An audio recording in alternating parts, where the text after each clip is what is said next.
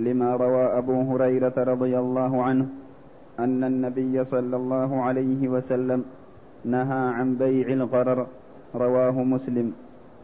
نعم. وبيع المعدوم بيع قرر ولأن تحريم بيع الثمرة قبل بدو صلاحها تنبيه على تحريم بيعها قبل وجودها فلا يجوز بيع الثمرة قبل خلقها ولا بيع الماء العد العد. ولا بيع الماء العد الذي له مادة كماء العيون والآبار لأنه بيع لما, لما يتجدد وهو في الحال معدوم. قول المؤلف رحمه الله تعالى فصل ولا يبيع ولا يجوز بيع المعدوم. هذه قاعدة. لا يجوز بيع المعدوم يعني الشيء الذي هو غير موجود لا يجوز بيعه إلا ما استثني كما سيأتي إن شاء الله في باب السلم. له شروط معينة وقيود محددة ستأتي إن شاء الله لكن الشيء المعدوم لا يجوز بيعه. مثلا يبيع عليه ثمرة هذا النخل السنة الآتية. يقول هذه السنة مثلا الثمرة هذه ناظرها. هذه سبق أن بعناها لكن نبيع عليك ثمرة هذه النخل السنة القادمة. هذا لا يجوز. لما؟ لأنه بيع غرر. لا يدرى ثمرة هذا النخل تكون كثيرة أم قليلة. تكون جيدة أو رديئة. تكون مأكولة أو فاسدة. ففي بيعها بعينها غرر. والدليل على هذا حديث أبي هريرة رضي الله عنه الذي رواه مسلم فهو في صحيح مسلم. أن النبي صلى الله عليه وسلم نهى عن بيع الغرر. يعني كل ما فيه غرر وجهالة فلا يجوز. وهذا من جوامع كلمه صلى الله عليه وسلم أنه يتكلم بالكلام اليسير المتضمن لقاعدة عظيمة تشتمل على أمور كثيرة. نهى عن بيع الغرر. كل ما في غرر وجهالة وعدم انضباط فهو لا يباع لأنه البيع مبني على رغبة من الطرفين وانقياد وفهم للموضوع. لا تقولوا مثلا له أبيع عليك كذا شيء لا يدري عنه. أبيع عليك دارا في الرياض مثلا. دار الرياض محتملة كذا ومحتملة كذا ما يجوز. حتى يراها ويعرفها.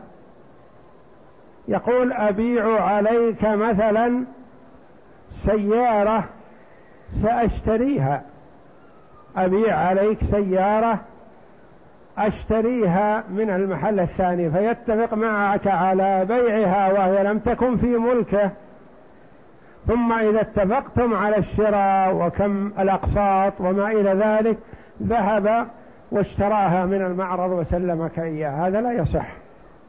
وأكثر بيوع المؤسسات على هذا الشكل لأنها هذه معاملات فاسدة وأكثر هذه المؤسسات تتعاطى بالربا ما يهمها. المهم أن تكسب. المهم أن يدخل عليه يأخذ المكسب. ولا يهمها البيع حلال أو حرام جائز أو ممنوع لا. وهذا ما يجوز وهذا مصداق ما أخبر به النبي صلى الله عليه وسلم أنه في آخر الزمان لا يهم الإنسان إلا الكسب من حلال أو حرام. فمثلا بيوعهم يقولون نبيع عليك سيارة تويوتا كذا نوعها كذا التي أنت رأيت في المعرض مثلا الفلاني أو جنسها وهم ما عندهم سيارة ولا عندهم شيء.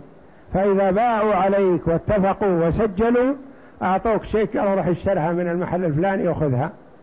فكأنهم باعوا عليك الشيك هذا بأكثر من قيمة ربا وهم باعوا عليك ما لا يملكون. باعوا معدوم.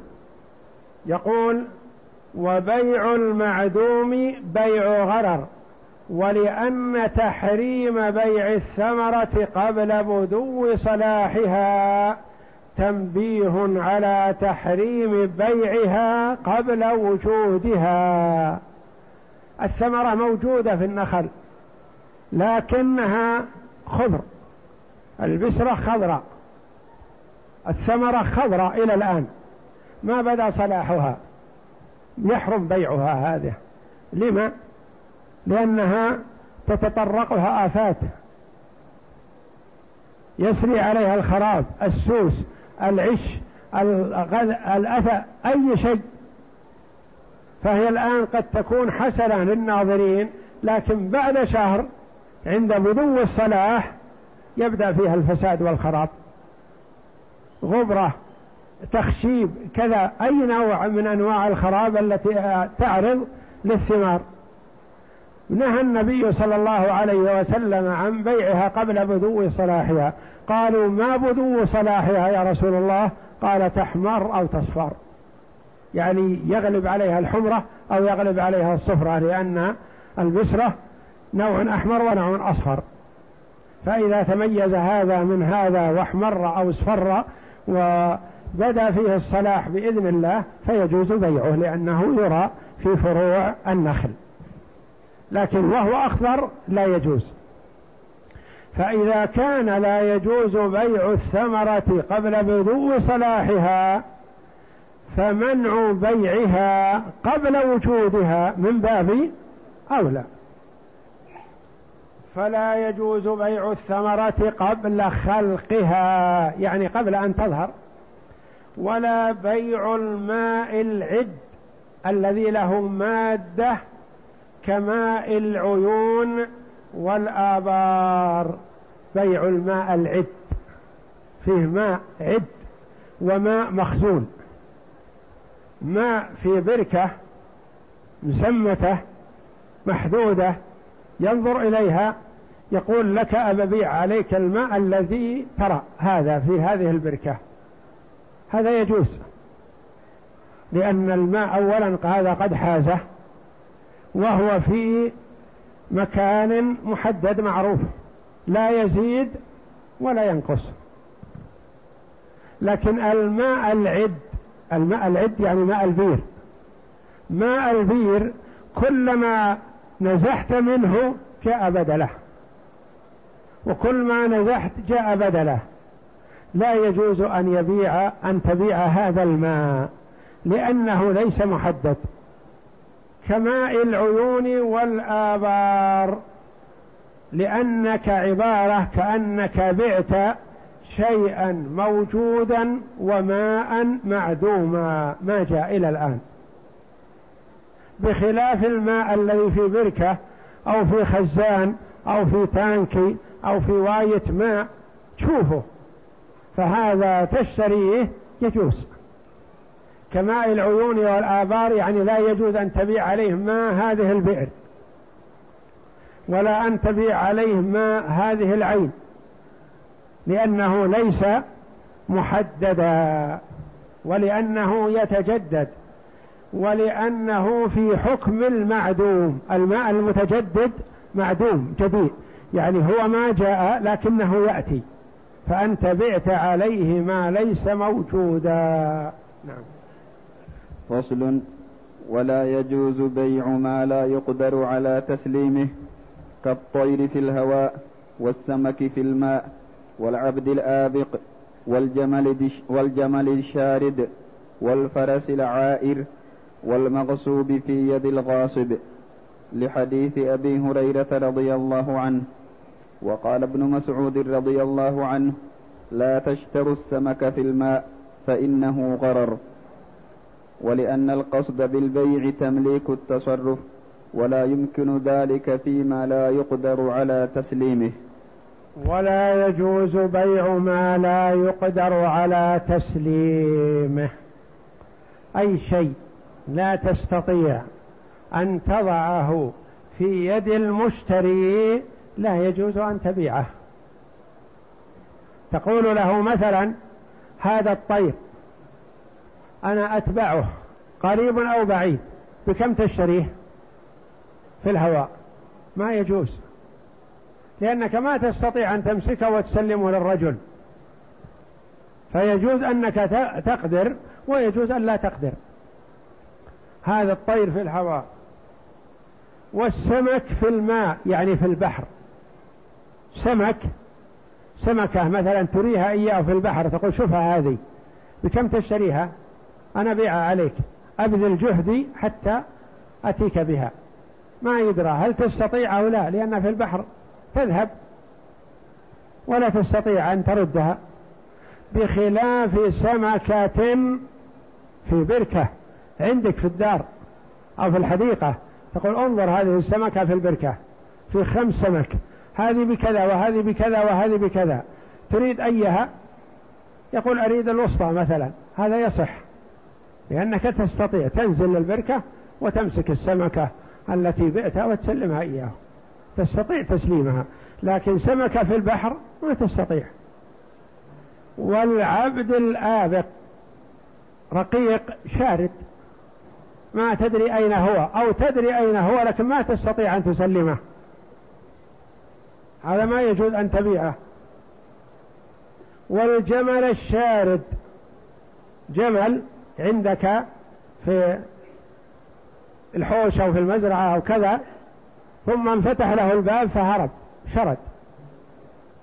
فأنت تقول لهذا الرجل أنا بيعه عليك حظك ونصيبك.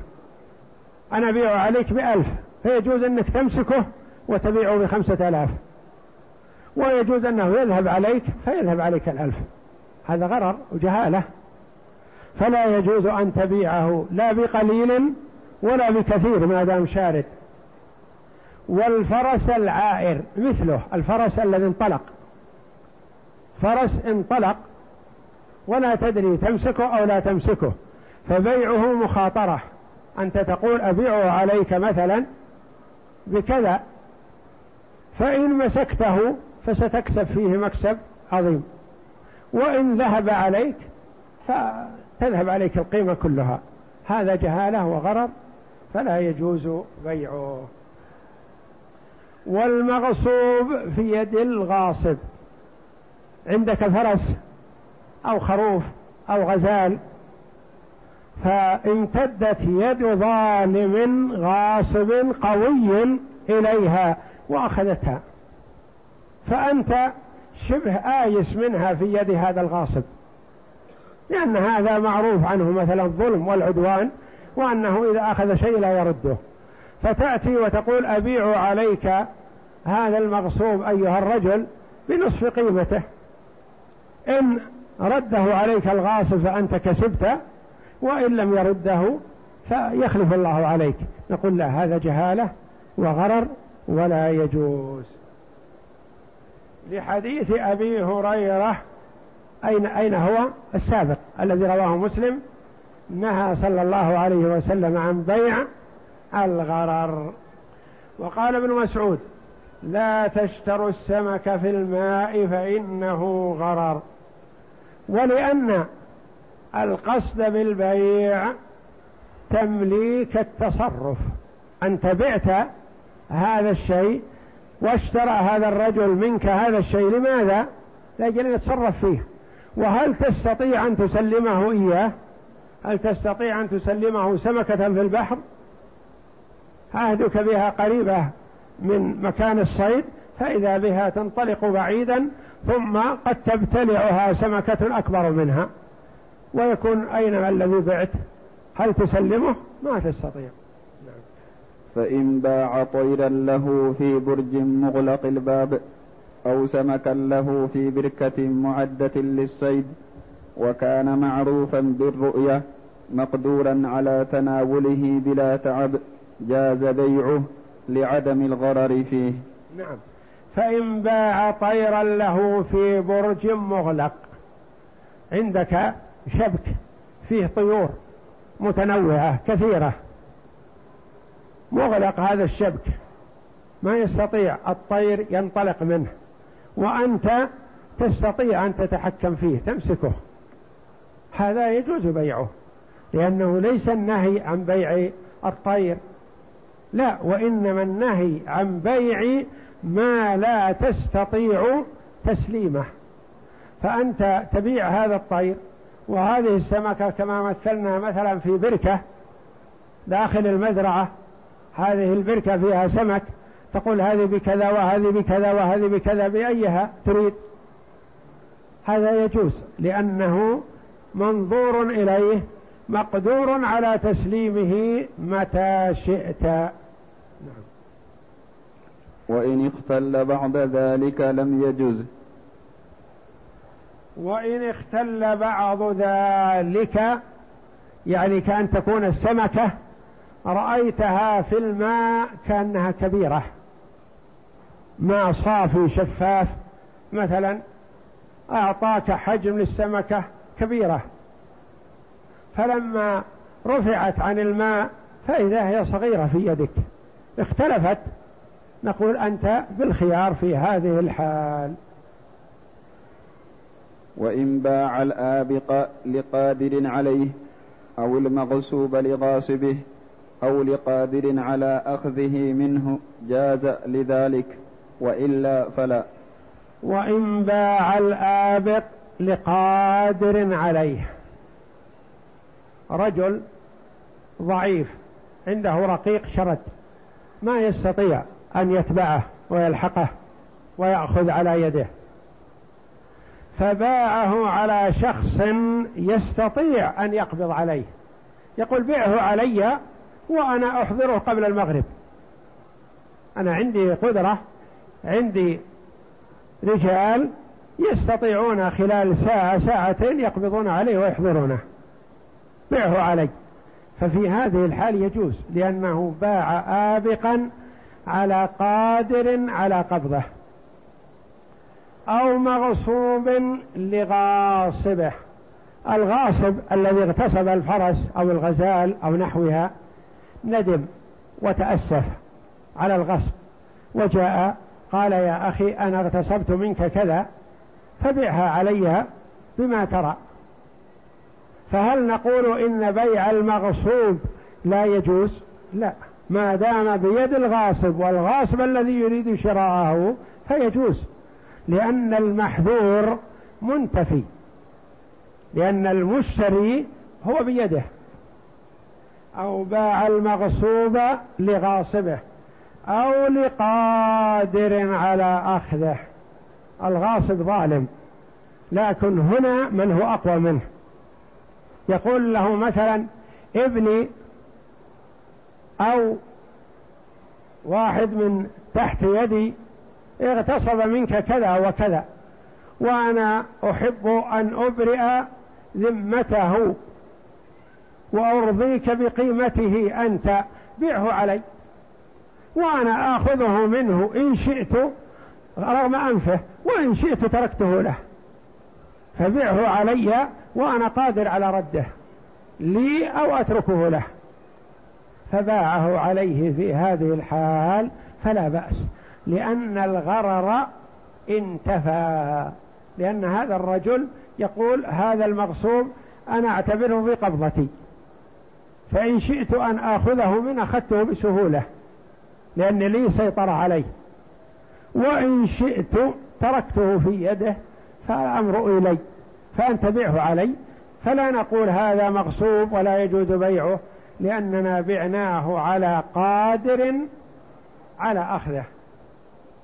فصل ولا يجوز بيع ما تجهل صفته كالحمل في البطن واللبن في الضرع والبيض في الدجاج والنوى في التمر لحديث أبي هريرة رضي الله عنه. المتقدم. التحويل على هذا الحديث الصحيح. نهى عن بيع الغرر. ولا يجوز بيع ما تجهل صفته. يقول هذه فرسي. انظرها تعرفها. فرس أصيلة فرس عربية فرس كذا. أنا أبيع عليك الحمل الذي في بطنها. هذا لا يجوز. لأن الحمل الذي في بطنها مجهول الصفة. لا يرى. قد يخرج سليم معافى. وقد يخرج مريض. وقد يخرج ميت. وقد يخرج ضعيف. فصفته مجهولة. يقول لك مثلا هذه الناقة انظر ضرعها. أنا أبيع عليك اللبن الذي في ضرعها الآن. الآن نحلبها ونسلمها لك. ما نبيع عليك شيء معدوم نبيع عليك لبن في ضرع هذه الناقة أو هذه البقرة أو هذه الشاة. ما يجوز. لأن هذا اللبن موجود الآن لكن ما يدرى قدره كميته. فيجوز أنه يخرج مثلا كيلو من اللبن ويجوز يخرج خمسة كيلو وعشرة كيلو. فما يدرى كميته وقدره. ولا يدرى هل هو لبن غليظ أو لبن رقيق. فهو وإن كان موجودا إلا أنه مجهول الصفة. والبيض في الدجاج. يقول هذه دجاج بياضة. هذه عشر دجاج كلها فيها البيضة الآن. بعد الظهر تعال استلمها. نبيع عليك البيض الذي في هذه الدجاج. فلا يجوز لأنه مجهول الصفة وإن كان موجود لكن مجهول الصفة. ما يدرى كيف يخرج هذا البيض. والنوى في التمر. يقول هذا التمر مثلا بين أيدينا. نبيع عليك نواه. النوى العبس الذي داخل التمر. يقول نبيعه عليك بريال بأكثر بأقل مثلا. هذا لا يجوز لأن النوى ما يدرى ماذا يخرج. دقيق ضعيف متين مجهول. في جهالة وغرر وإن كان موجودا. لحديث أبي هريرة السابق نهى صلى الله عليه وسلم عن بيع الغرر. نعم. وروى ابن عمر رضي الله عنهما أن النبي صلى الله عليه وسلم نهى عن بيع المجر والمجر شراء ما في الأرحام. وعن أبي هريرة رضي الله عنه أن النبي صلى الله عليه وسلم نهى عن بيع المضامين والملاقيح. قال أبو عبيدة الملاقيح ما في البطون وهي الأجنة والمضامين ما في أصلاب الفحول وما سواه يقاس عليه. ولما روى ابن عمر رضي الله عنهما أن النبي صلى الله عليه وسلم نهى عن بيع المجر. والمجر شراء ما في الأرحام.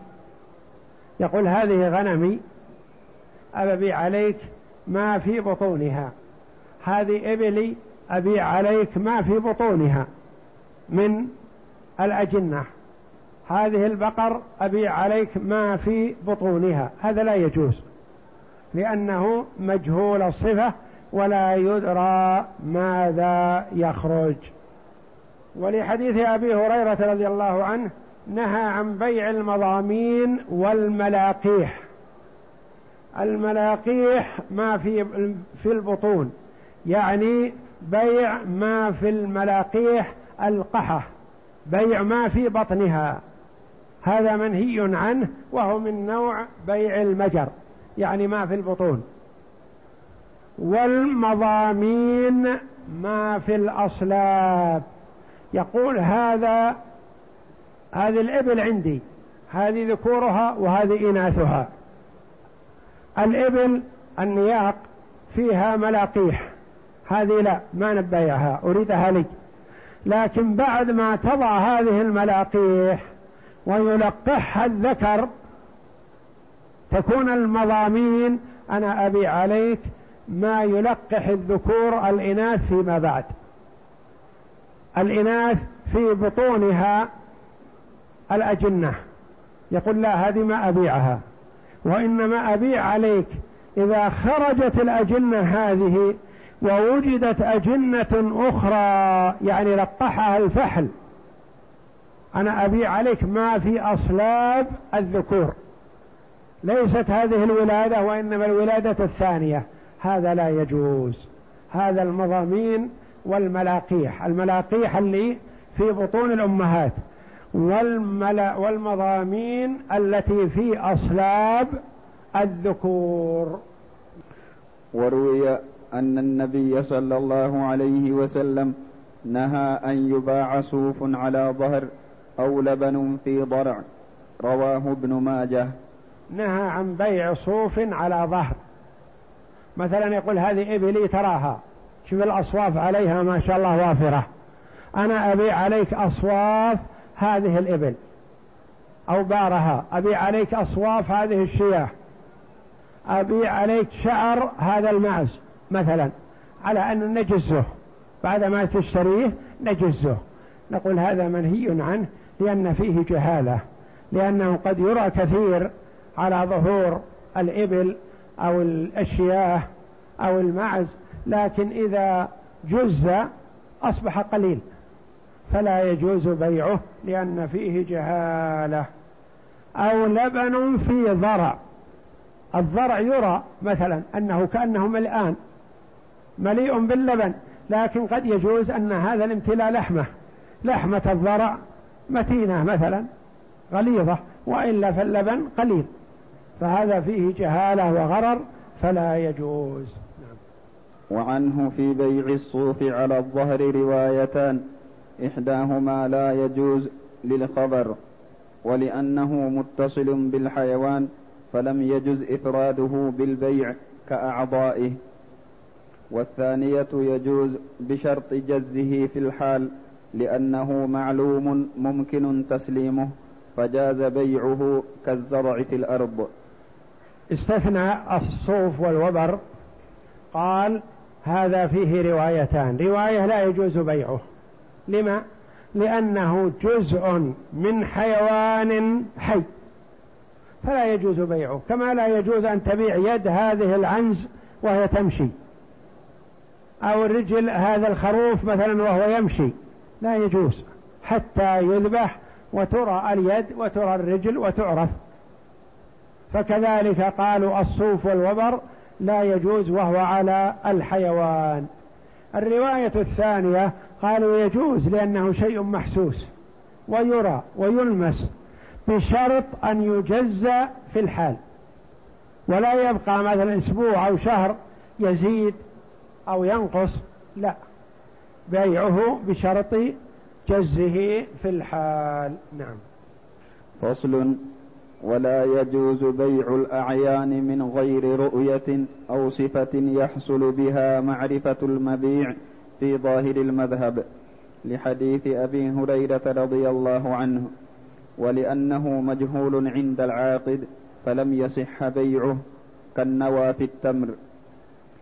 فعلى هذا يشترط رؤية ما هو مقصود بالبيع كداخل الثوب وشعر الجارية. وعنه يجوز لأنه عقد معاوضة فأشبه النكاح فعلى هذا هل يثبت له خيار الرؤية؟ فيه روايتان. إحداهما لا خيار له لأنه عقد معاوضة صح مع, مع الغيبة فأشبه النكاح. والثانية يثبت له الخيار عند الرؤية في الفسخ والإمضاء لأنه يروى عن النبي صلى الله عليه وسلم أنه قال من اشترى ما لم يره فهو بالخيار إذا رآه. ويكون خياره على الفور للحديث. ولا يصح بيع الأعيان من غير رؤية أو صفة تحصل بها معرفة الشيء. يقول مثلا أبيع عليك أرض في مكان كذا. أبيع عليك بيت في مكان كذا. بيت موجود. أرض معلوم موجودة لكنها مختلفة المواقع. أرض تساوي خمسمائة ريال وأرض تساوي الملايين. فلا تنضبط حتى ترى. تنضبط بالوصف. يقول لك هذه خارطتها. العمارة هذه خارطتها. وهي تقع في المكان الفلاني في الشارع الفلاني في البلد الفلاني. الشارع معروف والموقع معروف وصفة البناء تدرك بالمخطط مثلا أو بالصفة أو يريه ما هو شيء مثلها هنا يدخله على نفس التفصيل في العمارة وكذا إلى آخره فيبيعها عليه. هذا لا بأس به إذا كانت موصوفة صفة تتميز بها. أما إذا كانت غير محددة لهذه العين فلا يجوز. لا يجوز بيع الأعيان من غير رؤية أو صفة. تحصل بها معرفة المبيع. فإذا بيعت بصفة تحصل بها معرفة المبيع فلا بأس. قال إذا لم تحدد بالصفة تكون مثل النوى في التمر. فعلى هذا يشترط رؤية ما هو مقصود في البيع كداخل الثوب. يعني إذا اشترى شيئا ما يجب أن يعرف ما فيه. يعرف ظاهره وباطنه. ولا يرى ظاهره ولا يدري ما في باطنه بل لا بد أن يعرف. لأن فيه غرر إذا كان ما في باطنه من نوع الردي أو نحو ذلك. قالوا كداخل الثوب وشعر الجارية. قالوا المرأة الجارية الأمة إذا أراد أن يشتريها يطلع عليها اطلاعا كامل. يراها ويرى شعرها لأنه يفرق في قيمتها. إذا كانت صلعة ما لها شعر قيمتها وسط وإذا كان لها شعور حسنة فقيمتها غالية. فقالوا يراها رؤية كاملة فإن لم يحصل الرؤية الكاملة فهو بالخيار حينئذ بعدما يتم البيع ويراها إن انطبقت عليها الصفات المذكورة قبل فبها ونعمت وإلا فله الخيار. وقيل يتقيد بالمجلس لأنه خيار ثابت بمقتضى العقد فتقيد بالمجلس كخيار المجلس. وهل الخيار يستمر إذا رآها حتى يتفرق أم أنه في الحال؟ إذا رآها إما أن يقول شريت أو رددت. فإن اشترى لزم وإن لم يتفرقا لأنهم تفرقوا من خيار المجلس السابق. وإن رغب عنها قال لا أريدها ما صار بيع حينئذ.